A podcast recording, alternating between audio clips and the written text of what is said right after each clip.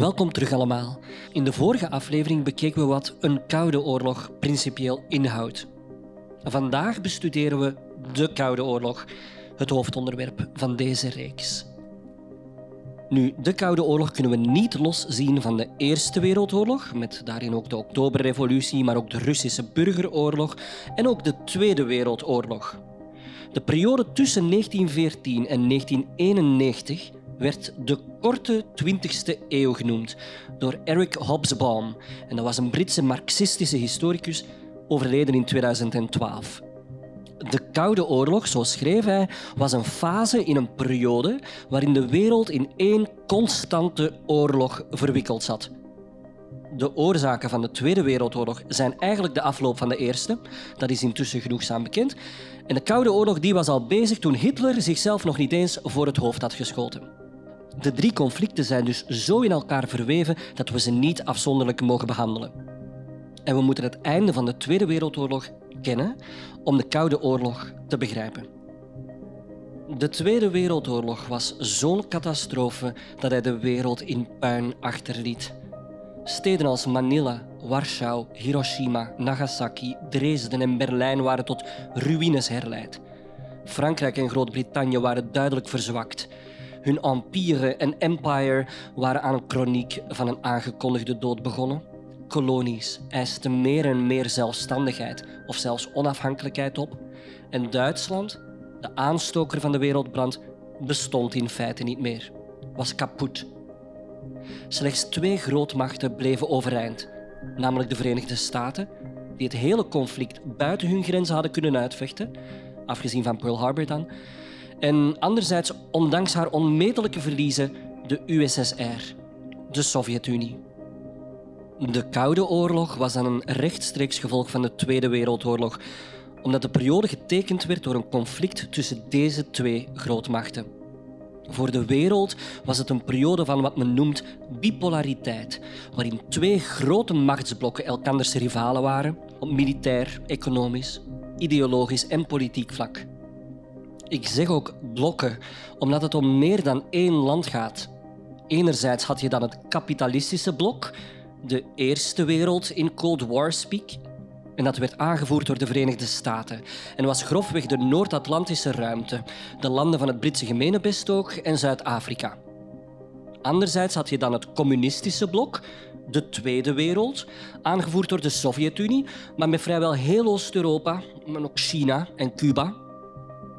En dan had je de landen die zich niet openlijk achter een bepaalde vlag schaarden, die werden samen de derde wereld genoemd. En dat waren dan de meeste landen van het zuidelijke halfrond in Zuid-Amerika, Afrika en het Indische subcontinent.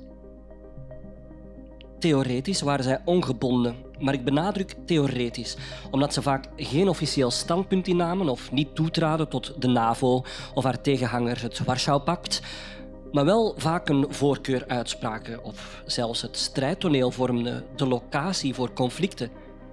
De term derde wereld kennen we allemaal wel. De eerste en de tweede die zijn we vergeten. de term derde wereld stamt eigenlijk uit de Koude Oorlog. Maar wij gebruiken hem in de moderne betekenis vaak voor ontwikkelingslanden. Historisch is dat niet correct. Het klinkt vreemd, maar Zwitserland was een derde wereldland.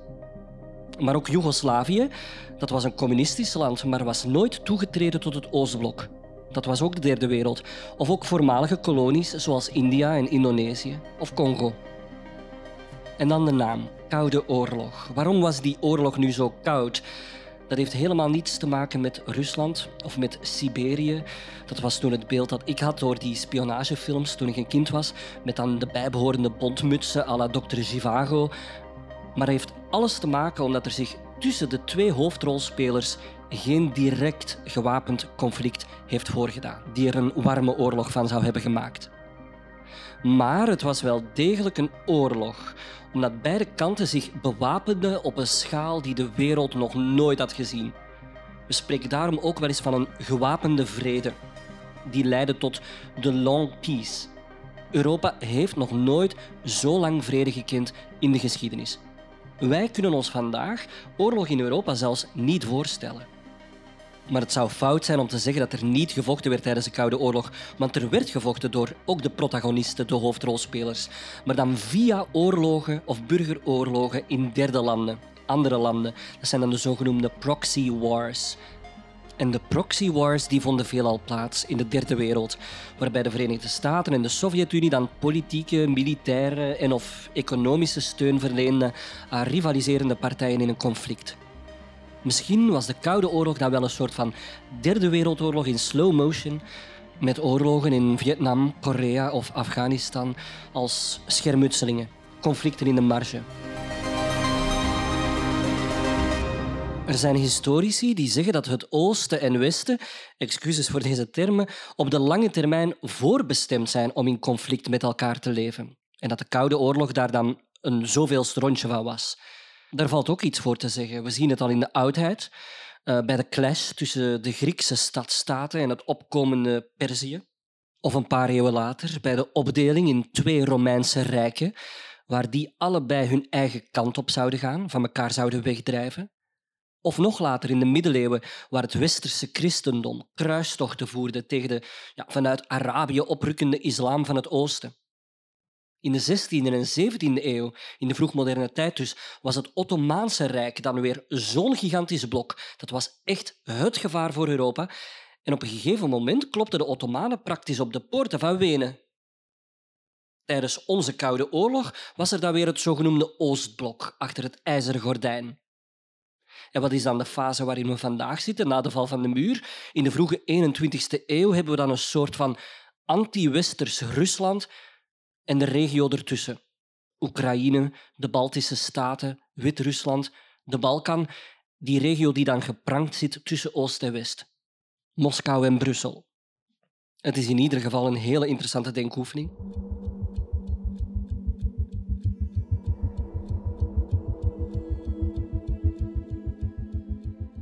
Waar draaide onze Koude Oorlog nu om?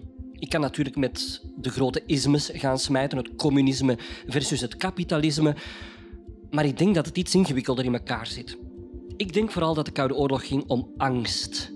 En dat angst zo'n beetje de belangrijkste motor was van het conflict.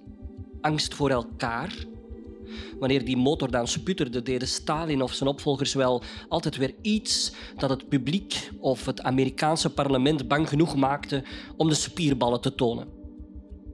Ook angst om af te gaan. In diezelfde lijn was er dan geloofwaardigheid. Beide partijen waren geobsedeerd door geen gezichtsverlies te lijden. Negatieve zaken moesten verborgen gehouden worden als het moest. En tenslotte was er het idee van de moreel superieure zijn.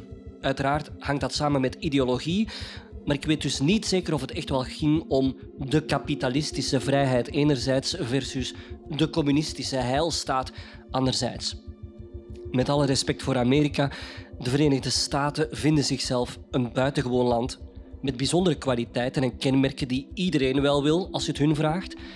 En in die optiek kan de wereld best naar hun model gevormd worden. En sinds de Tweede Wereldoorlog, tijdens de Koude Oorlog tot zelfs vandaag, exporteren zij hun ideeën naar het buitenland. De Koude Oorlog ligt nog niet lang achter ons, of is nog niet voorbij zelfs, en kan op verschillende manieren worden gelezen. Ik zal tijdens deze reeks spreken over een blauwe lezing en een rode lezing. Dat zijn nu zo'n beetje termen die ik zelf heb uitgevonden en niet echt wetenschappelijke termen zijn.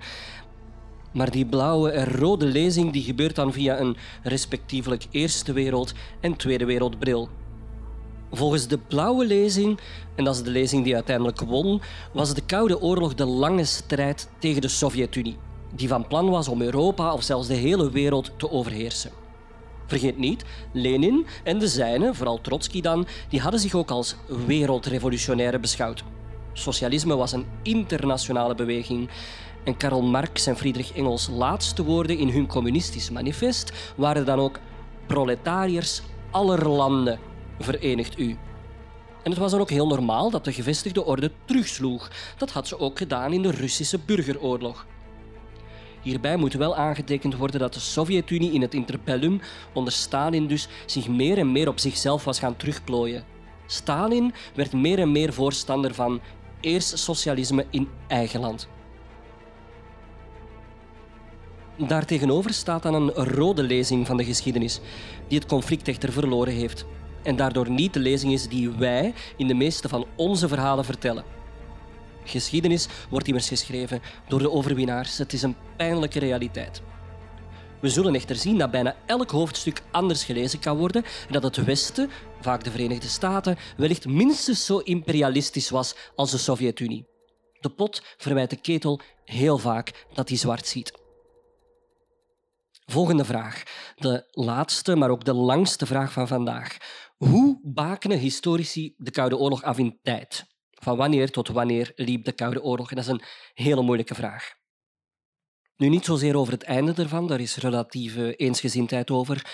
Eind december 1991 viel de Sovjet-Unie uit elkaar.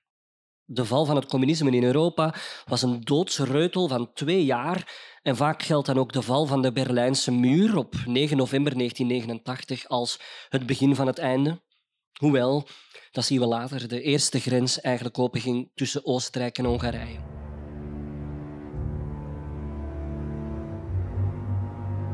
Maar over het begin lopen de meningen sterk uiteen. Historici die rivaliteit als een essentiële factor beschouwen, kiezen daarom voor 1917 de Oktoberrevolutie. De communistische Bolsjewieken konden meteen op de scepsis van het Westen rekenen. En dan is er uiteraard die erfenis, die gedeelde erfenis van de Tweede Wereldoorlog, die de spanningen heeft vergroot. Het is foutief om te denken dat de Sovjet-Unie en het Westen als zielsverwanten hand in hand het nazisme hebben verslagen. Dat klopt niet. Roosevelt, Churchill en Stalin waren maar koele minnaars van elkaar. Churchill bijvoorbeeld die was als minister tijdens en na de Eerste Wereldoorlog betrokken geweest bij de Britse interventie bij de Russische burgeroorlog tegen de communisten. Hij was een van de eerste die Stalin als een nieuwe Hitler beschouwde. Dus daar zat al een serieuze haar in de boter. Het Westen is ook heel lang doof geweest voor Stalins vraag om zich tegen Hitler te verenigen. En ook tijdens de Spaanse burgeroorlog, zo'n beetje de generale repetitie van de Tweede Wereldoorlog, waren Groot-Brittannië en Frankrijk afzijdig gebleven. Bepaalde Amerikaanse bedrijven hadden Franco's fascisten zelfs gesteund. Ook de duizenden Joodse vluchtelingen uit Nazi-Duitsland werden nauwelijks geholpen. En de Amerikanen die namen pas deel aan het conflict nadat ze zelf waren aangevallen door Japan eind 1941 en de oorlog in Europa was toen al twee jaar bezig.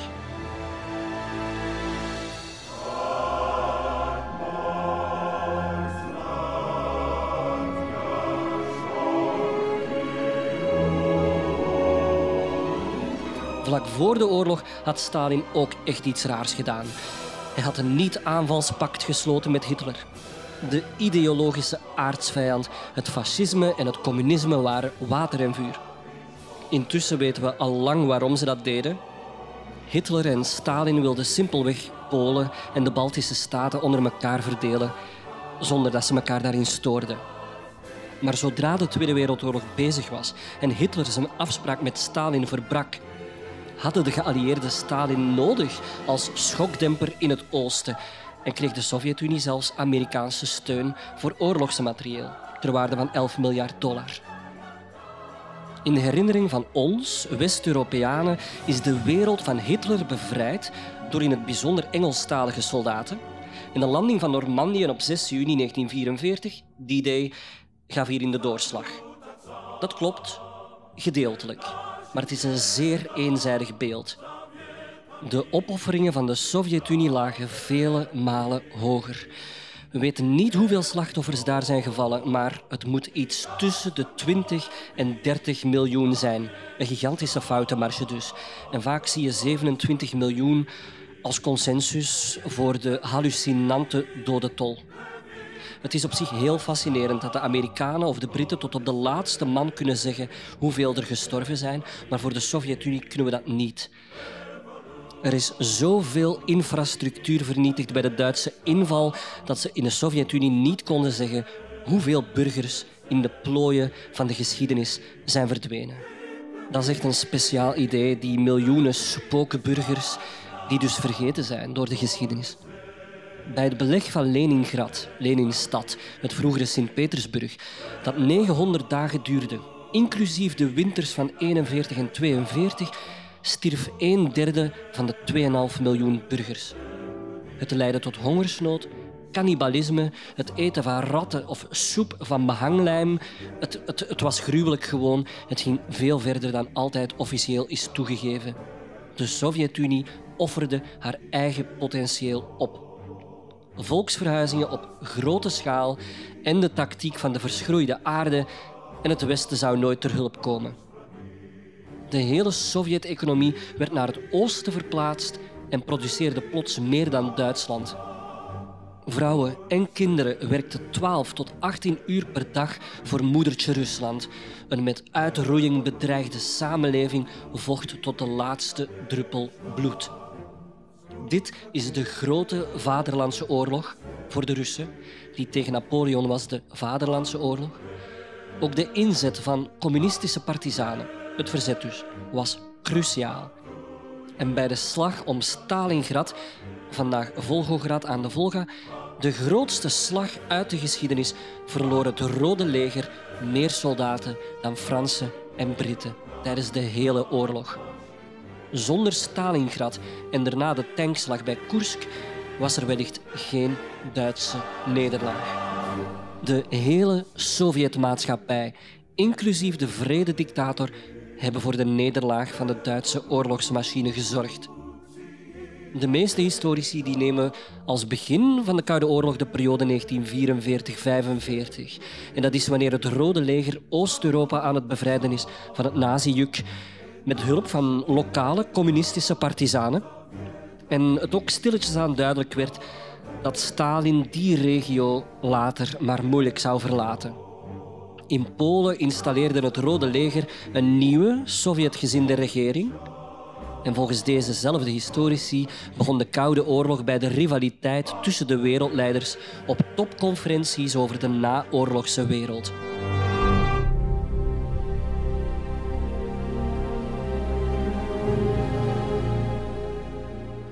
Stalin zelf die werd pas door Roosevelt en Churchill uitgenodigd voor topoverleg nadat hij strategische overwinningen had geboekt op Nazi-Duitsland en het heel duidelijk was dat de toekomst met hem zou zijn. Voor de eerste keer was dat in Teheran, vandaag Iran, in november 1943, waarbij Roosevelt een charme-offensief lanceerde tegenover Uncle Joe en hij een tweede front beloofde in het westen om de druk op het Rode Leger te verlichten.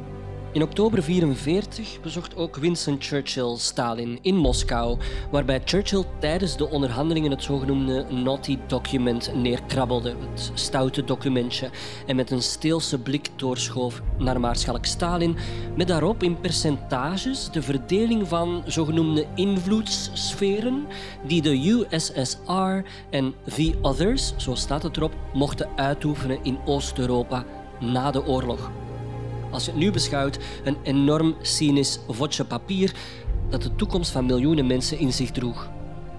Voor Churchill was het vooral belangrijk dat de toegang tot het Suezkanaal, de levensader van de British Empire, niet in het gedrang kwam. Dus van Griekenland moest Stalin afblijven.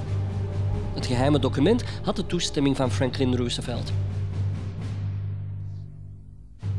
En dan de twee cruciale conferenties van de grote drie samen. In februari 1945 organiseerde Stalin een topontmoeting in Yalta, een badplaats op de Krim, in een zomerresidentie van de tsaren van Weleer. Hij had de doodzieke Roosevelt helemaal hiervoor naar de Krim laten komen, tegen het advies van zijn dokter in. Daar gaven Churchill en Roosevelt Stalin min of meer de toestemming om Oost-Europa als zijn invloedssfeer, zijn achtertuin te beschouwen, in ruil voor Sovjet-steun aan de Amerikanen tegen Japan. Ook kwamen ze overeen dat er een Verenigde Naties zouden worden samengeroepen binnenkort in San Francisco. En tenslotte ook dat Duitsland ontwapend, gedemilitariseerd en opgedeeld zou worden in vier door de geallieerden gecontroleerde zones. Later meer daarover. Ook deden ze Stalin beloven dat hij in Polen vrije verkiezingen zou laten houden. Stalin verklaarde namelijk het socialisme helemaal niet te willen exporteren. En hij had zich ooit laten ontvallen dat socialisme op Polen paste als een zadel op een koe. Later zou hij die belofte gewoon breken. En voor de bühne tenslotte laten Stalin, Churchill en Roosevelt een wereldberoemde foto nemen. In hun stoelen op het terras, waar ze alle drie op zitten te glunderen. Iedereen is in zijn schik. Maar in die foto zit eigenlijk de kiem van de Koude Oorlog. Want het wantrouwen hing in de lucht. Toen Amerikaanse en Sovjet-soldaten elkaar in april 1945 aan de Elbe een hand konden geven, was het afgelopen met Duitsland. En leek het erop dat beide landen samen zouden werken om de vrede te handhaven. Naoorlogse vrede leek verzekerd, maar de Koude Oorlog was eigenlijk al in volle gang. Op 25 april kwamen de Verenigde Naties voor de eerste keer bij elkaar in San Francisco. Dan nog niet in New York City dus. En er waren al meteen spanningen tussen de geallieerden. Vrede moest eigenlijk gebaseerd zijn op wederzijds respect, maar dat was er hoegenaamd niet. Iedereen dacht aan zijn eigen belangen, of hij nu een dictator was of niet. Op een tweede conferentie, die van Potsdam, niet ver van Berlijn, en die liep van juli tot augustus 1945, dus een hele lange conferentie, kwamen de grote drie opnieuw samen. Roosevelt was inmiddels jammerlijk overleden, na twaalf jaar president te zijn geweest. Dat kon toen nog. Roosevelt heeft het einde van de Tweede Wereldoorlog dus nooit gekend en was intussen opgevolgd door Harry S. Truman. En Churchill die werd in de loop van de zittingen in Potsdam vervangen door Clement Attlee. Want door de verkiezingen in Groot-Brittannië werden de conservatieven namelijk weggestemd en Labour kwam aan de macht. Hitler was verslagen, zijn duizendjarige rijk verticaal geclasseerd. Het grote probleem op deze conferentie was hoe en of Duitsland, met de grootste industrie van Europa, heropgebouwd kon worden. Berlijn bijvoorbeeld was in 1945 een maanlandschap. Er schoot eigenlijk bijna niks meer van over. Er moet je maar eens foto's van opzoeken. De Brandenburgse, Pruisische en later trotse Duitse hoofdstad was met de grond gelijk gemaakt. En er is zo één luchtfoto in het bijzonder die ik interessant vind. Je ziet de Brandenburgse poort, het symbool van Berlijn, waar ooit, dat weet u misschien nog van ons stukken over de Franse Revolutie, Napoleon onder had gemarcheerd met zijn Grande Armée. En achter de Brandenburgse poort begint dan Unter den Linden, de boulevard eigenlijk. Hè? Met aan het begin van Unter den Linden een reusachtig portret van Stalin. Het was heel duidelijk, in dit deel van Berlijn begint de wereld van vadertje Stalin, van het communisme. In Potsdam werd dan beslist dat Duitsland later in vier geallieerde bezettingszones zou worden opgedeeld en bestuurd, Berlijn trouwens ook, en de wederzijdse invloedssferen die eigenlijk al bestonden, werden in Potsdam opnieuw bevestigd. De Sovjet-Unie, die vrijwel heel Oost-Europa had bevrijd, zou haar grip over dit gebied kunnen verstevigen. Het land zat ook echt in een goede onderhandelingspositie, omdat de Amerikanen haar nodig hadden in de Stille Oceaan. Ten slotte duiden nog andere historici het begin van de Koude Oorlog aan in 1947. En dat is wanneer de Amerikanen de Truman-doctrine in hun buitenlandbeleid hebben opgenomen, genoemd naar een historische redenvoering van de president, waarin hij Amerikaanse hulp beloofde aan alle staten die zich door de communistische expansie bedreigd voelden. Elke schijn van harmonie tussen de voormalige bondgenoten was vanaf dan echt weg. Maar dat is voor de volgende aflevering.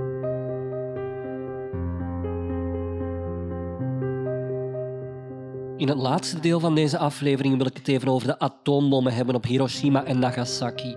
Die kunnen misschien ook wel als beginpunt dienen. Het is in elk geval het begin van een nieuw tijdperk, het nucleaire. Ik heb het persoonlijk altijd vreemd gevonden dat de inzet van dit wapen door een groot deel van de mensheid vandaag gewoon wordt geaccepteerd als feit en dat er niet meer verontwaardiging over bestaat. Dat komt ongetwijfeld door de blauwe lezing van de geschiedenis, waarin ze de Tweede Wereldoorlog heeft beëindigd, zoals nodig. Op de conferentie van Potsdam kreeg Truman te horen dat het zogenoemde Manhattan Project was afgerond in Los Alamos, New Mexico en klaar was om ingezet te worden na een succesvolle test. Amerikaanse Japanologen en archeologen hebben dan afgeraden om Kyoto, Tokio of Kamakura te bombarderen. Nee, nee, Hiroshima was beter, want dat was al vrij gespaard gebleven van luchtbombardementen, in tegenstelling tot Tokio. Het was een industriestad en een hoofdkwartier voor een deel van het leger. Nagasaki daarentegen was aanvankelijk helemaal geen doel, maar de weersomstandigheden waren te slecht om de oorspronkelijk geviseerde stad Kokura te bombarderen. Volgens de blauwe lezing hebben dan de Verenigde Staten op 6 en 9 augustus respectievelijk Little Boy en Fat Man laten vallen. Let ook op de namen van de bommen trouwens. Met tegenzin uiteraard op Hiroshima en Nagasaki. Op die manier hebben ze honderdduizenden Amerikaanse jongens gered die anders zouden zijn omgekomen omdat de fanatieke Japanners en het keizerlijke leger zich maar niet overgaven. Truman heeft ook altijd cijfers genoemd. Er zouden anderhalf miljoen manschappen nodig zijn geweest, met vermoedelijk een half miljoen gewonden en een kwart miljoen doden. De ontploffing van de atoombommen overtrof alle verwachtingen. Door de Amerikaanse autoriteiten werden dan ook 3242 dode Japanse soldaten gemeld. En Japan, dat kon zich nu zonder gezichtsverlies overgeven. Voilà, oorlog voorbij. U hoort mij uiteraard al komen. Hè? Dat is een eenzijdige lezing van de geschiedenis. Japan heeft zich na de bommen overgegeven, maar was dit wel door de atoombommen? Met andere woorden kunnen we ons de vraag stellen: waren die atoombommen wel echt nodig? Volgens Truman dus wel. En in latere interviews heeft hij zijn inschatting van het aantal dode Amerikanen stelselmatig opgedreven. Maar er waren ook andere belangrijke stemmen die achteraf de inzet van de bommen hebben betreurd en niet de minste, zoals generaals Eisenhower of MacArthur. Intussen zijn er genoeg bronnen die suggereren dat de Japanners voorzichtig aan het aansturen waren op onderhandelingen via diplomaten in Moskou om geen onvoorwaardelijke overgave te moeten incasseren. Dat was hun doembeeld. Voor hun stond ook de toekomst van de keizer heel centraal. Lag bijzonder gevoelig, want die was volgens het Shinto-geloof een god op aarde. Het idee van keizer Hirohito voor een of ander oorlogstribunaal en achteraf misschien zelfs ophanging, ja, dat was gewoon onverteerbaar voor Japan. En dat is waarom ze tot het einde doorvochten, ook al was de nederlaag zo goed als zeker. Een rode lezing van dezelfde geschiedenis doet vermoeden dat de Amerikanen de bom eigenlijk wilden gebruiken om hun slagkracht te tonen. Ze was in principe ontwikkeld tegen de Duitsers, maar die hadden zich al overgegeven. En nu hadden ze die bom. De conferentie van Potsdam die begon de dag na de succesvolle test, de Trinity-test. En dat is uiteraard een interessante timing, want op die conferentie kon Truman nu met trots tegen Stalin zeggen dat de Verenigde Staten over een nieuw superwapen beschikten. Stalin die bedankte Truman voor deze informatie, maar die was eigenlijk door spionnen al op de hoogte gebracht van het Manhattan Project, alleen niet van het vergevorderde stadium ervan. In Potsdam werden geen garanties opgesteld over de Japanse keizer, omdat men wellicht verwachtte of hoopte dat Japan de tekst toch zou afwijzen. De bom gebruiken had nog een voordeel voor de Amerikanen. Op die manier konden ze de Sovjethulp tegen Japan omzeilen. De Sovjets hadden beloofd de Verenigde Staten bij te staan zodra Hitler verslagen was en ze zouden er gebieden voor in ruil krijgen die ze ooit in 1905 aan Japan waren kwijtgespeeld. Het Rode Leger stond al klaar aan de grens. We mogen niet vergeten dat de Amerikanen ook de hele tijd om Stalins hulp hebben gevraagd tegen Japan. Maar nu was dat dankzij de atoombom niet meer nodig en zelfs ongewenst. Na de eerste bom op Hiroshima gaf Japan zich trouwens nog niet over. En het Rode Leger is toen Manchukuo binnengevallen. Dat is vandaag het Chinese Manchurije, maar dat is dan een Japanse marionettenstaat. En de communisten die boeken vlugge successen. Dat is een vergeten stukje geschiedenis dat in de meeste westerse geschiedenisboeken niet eens wordt vermeld. Omdat op de ochtend van 9 augustus, nog voor Japan kon reageren op de Sovjet-invasie, de Amerikanen de bom laten vallen op Nagasaki. Nog steeds capituleerde Japan niet onvoorwaardelijk. Ja, al het hele jaar door waren Japanse steden weggevaagd door bombardementen die meer slachtoffers hadden geëist dan de atoombommen. Dus zij redeneren of dat het nu 200 vliegtuigen zijn met duizenden bommen of één vliegtuig met één superbom, dat maakt hier het verschil niet. Maar dat het Rode Leger Japans rijkste kolonie binnenviel, Manchukuo, dat was de reden tot paniek. Japan capituleerde uiteindelijk door de oorlogsdeelname van de Sovjet-Unie, waar ze als de dood voor waren.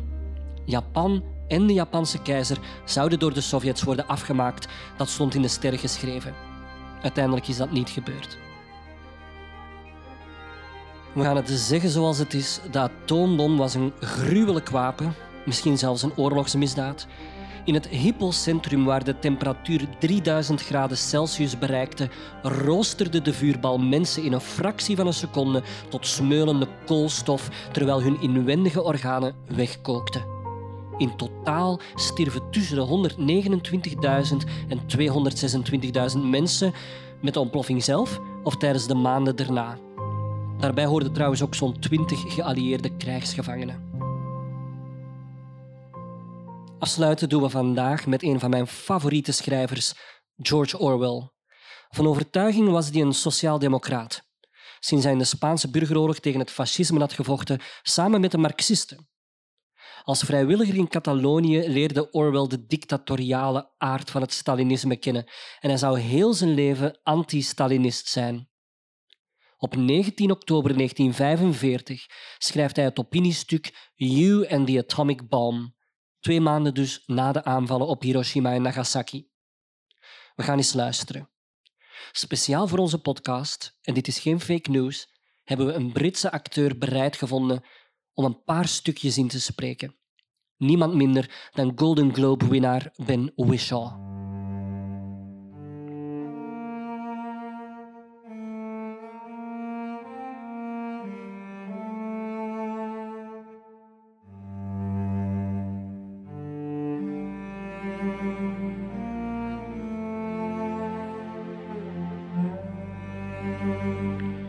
Considering how likely we all are to be blown to pieces by it within the next five years, the atomic bomb has not roused so much discussion as might have been expected. Dat is de aanhef. Geen paniek, ik ga zo dadelijk weer zwijgen. De atoombom, schrijft hij, heeft iedereen met stomheid geslagen. Orwell schrijft ook dat de kranten hun lezers dagelijks trakteren op ingewikkelde diagrammen over neutronen en protonen die hun ding doen, maar hij beklaagt zich over hoe niemand de belangrijkste vraag stelt. Hoe moeilijk zijn deze wapens om te maken? Hij zegt dat de tijd van de democratische wapens voorbij is. En dat zijn eenvoudige wapens waar iedereen aan kan geraken, zoals geweren of musketten. Complexe wapens echter, zoals tanks of vliegdekschepen of, of nu de atoombom, die zijn gevaarlijk omdat maar een paar staten op aarde ze kunnen laten maken. Je hebt niet alleen grondstoffen nodig om de verschillende delen te maken, die dan worden geassembleerd, er steekt ook ongezien veel wetenschappelijke kennis in. En volgens Orwell zijn dat ondemocratische wapens, want het maakt de sterke die al sterk waren nog sterker. Zodra je over zo'n wapen beschikt, ben je onoverwinnelijk. Wanneer Orwell dit schrijft, beschikt enkel de VS over zo'n wapen. Maar binnen afzienbare tijd zal ook de Sovjet-Unie over een bom beschikken. En dan wordt zijn toekomstbeeld wel erg grimmig.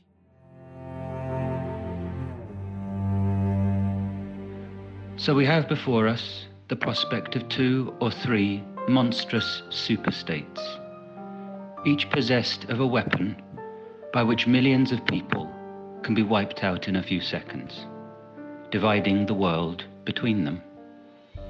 It has been rather hastily assumed that this means bigger and bloodier wars, and perhaps an actual end to the machine civilization. But suppose, and really this is the likeliest development, that the surviving great nations make a tacit agreement never to use the atomic bomb against one another. Suppose they only use it, or the threat of it, against people who are unable to retaliate. Orwell voorspelt dus twee of drie superstaten die als enige over zo'n wapen kunnen beschikken. En dat dit dus niet per se betekent dat er nog gruwelijkere wereldoorlogs drie of vier aan zullen komen, maar dat die landen het wapen niet zullen maken om het in te zetten, maar om ermee te dreigen tegen landen zonder zo'n wapen. Ik denk dat er bij iedereen al wel een historisch belletje gaat rinkelen. Opnieuw, dit is geschreven in 1945. Hè? Oh ja, had ik ook al gezegd dat George Orwell de term Koude Oorlog heeft uitgevonden. Hij gebruikt het voor de eerste keer in het stukje dat nu volgt.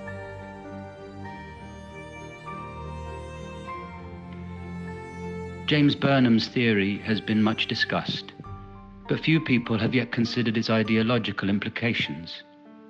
That is, the kind of worldview, the kind of beliefs, and the social structure that would probably prevail in a state which was at once unconquerable and in a permanent state of Cold War with its neighbours.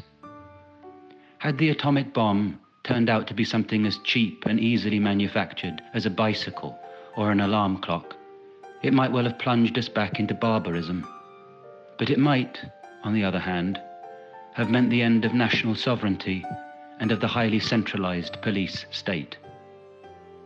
If, as seems to be the case, it is a rare and costly object, as difficult to produce as a battleship, it is likelier to put an end to large scale wars at the cost of prolonging indefinitely a peace that is no peace.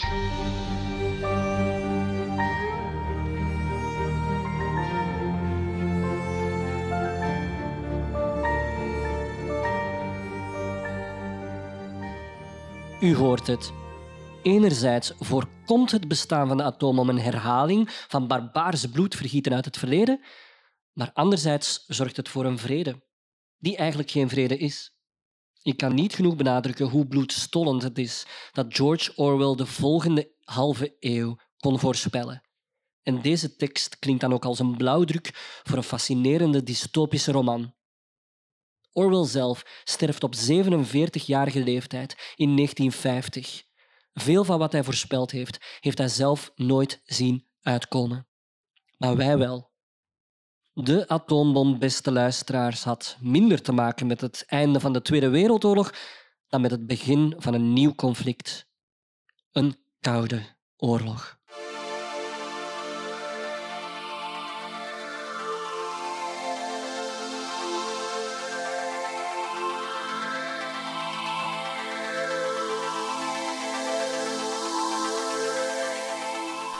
We gaan vandaag beginnen met de bedankingen.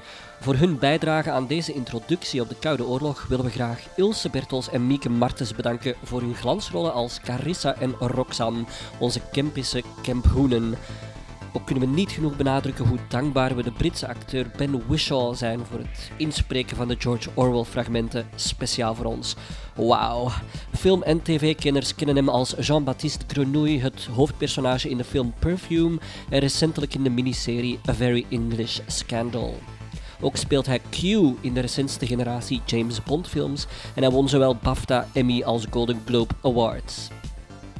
Voor bij wie de interesse voor Koude Oorlog is aangewakkerd, hebben we nog wat leestips. Koude Oorlog is een complex conflict en wie het wil begrijpen wenst zich best tot goede studies. Zelf heb ik nog nooit een goede documentaire reeks gezien die de Koude Oorlog als één geheel beschouwt. Maar er zijn natuurlijk pareltjes gemaakt over delen ervan, zoals de Vietnamoorlog, Noord-Korea, de atoombom, spionage. Uh, maar het boek van Eric Hobsbawm, waarin hij de term de korte 20e eeuw gebruikt, heet The Age of Extremes. Dat hebben we vermeld. En uiteraard is In Europa van Geert Mak een klassieker. Aan het einde van de 20e eeuw schreef hij een geschiedenis van Europa, van diezelfde 20e eeuw, aan de hand van zijn reizen door het continent. Geert Mak is een van mijn persoonlijke idolen. Een ongelooflijk bescheiden man, enorm belezen, eloquent en inzichtelijk. Daarnaast schreef ook de Hitler-specialist Sir Ian Kershaw een geschiedenis van de 20e eeuw. In het eerste deel, de afdaling in de hel, focust hij op de eerste helft van de eeuw, maar het vervolg, getiteld Een naoorlogse achtbaan Europa 1950-2017, focust op de Koude Oorlog en de gevolgen ervan. Een bondige studie van de Koude Oorlog is De Koude Oorlog van Yale-professor John Lewis Gaddis, of het uitvoerige boek De Koude Oorlog, een wereldgeschiedenis van de Noorse historicus Odd Arne Westad. George Orwell die is bekend voor zijn aanklachten tegen het Stalinisme en totalitarisme. Animal Farm, ondergetiteld A Fairy Story, is een satirische allegorie of fabel over een boerderij waarin in een revolutie de dieren het roer overnemen van de mensen die ze verjaagd hebben. Voortaan stonden de dieren niet meer in dienst van de mensen, maar waren ze allemaal gelijk en werd de boerderij gerund onder invloed van het animalisme. Meer en meer trekken de leiders van de revolutie, de varkens, het laken naar zich toe en beginnen ze zich te gedragen als de mensen van vroeger. Het leidende principe alle dieren zijn gelijk wordt op de duur aangevuld met maar sommige dieren zijn gelijker dan andere. Voor wie de roebel nog niet is gevallen, het is een satire op de Russische geschiedenis. Of eerder een voorspelling van wat er zou gebeuren. Zijn meesterwerk is uiteraard 1984, dat hij in 1948 schreef en waarin hij een toekomstbeeld schetste waarin iedereen permanent door de staat wordt geïndoctrineerd, vrijheid en liefde onbekende begrippen zijn en iedereen permanent wordt bespioneerd door de leider van de partij, Big Brother. Naast de leestip wil ik u ook een toeristische tip geven. Als u ooit in de buurt van Berlijn bent, ga dan naar Potsdam en in Schloss Cecilienhof, een kasteel dat ooit van de Hohenzollern was, van de keizers. Daar is vandaag een museum uh, gewijd aan de conferentie die in dat kasteel heeft plaatsgehad, de conferentie van Potsdam. Vandaag is het dus een museum aan alles wat we in deze aflevering hebben gezien. Maar het is echt een knappe ervaring om er te komen. Ik ben er vorig jaar geweest en ook vroeger nog met de studentenclub. En je loopt dan door de vleugels waar de Sovjet-diplomaten of de Fransen of de Britten met elkaar overlegden voor ze samen in de gedeelde conferentiekamer dan kwamen. En dan zie je ook de ronde tafel waar zowel Churchill als uh, Truman als Stalin hebben gezeten, waarvan die dingen werden gezegd van dat ze over een atoombom beschikten, de Amerikanen, en waar de toekomst van Duitsland werd vastgelegd. Het is een hele knappe ervaring om te komen. Dat was het voor vandaag. De volgende keer staan we stil bij het ijzeren gordijn. Ik zelf was Jonas Goosenaerts, maar de uitmuntende montage van deze afleveringen werd nog steeds gedaan door mijn goede vriend en podcastpartner, de getalenteerde Filip Veekmans. Vergeet ons alsjeblieft niet te volgen op Facebook en Instagram, waar we respectievelijk interessante links, nieuwsjes en foto's plaatsen. Afsluiten doen we vandaag met het heel opgewekt klinkende Inola Gay van Orchestral Maneuvers in the Dark. Maar Inola Gay was de Boeing B-29 van waar Little Boy op Hiroshima werd gegooid. Het vliegtuig was genaamd naar de moeder van de piloot.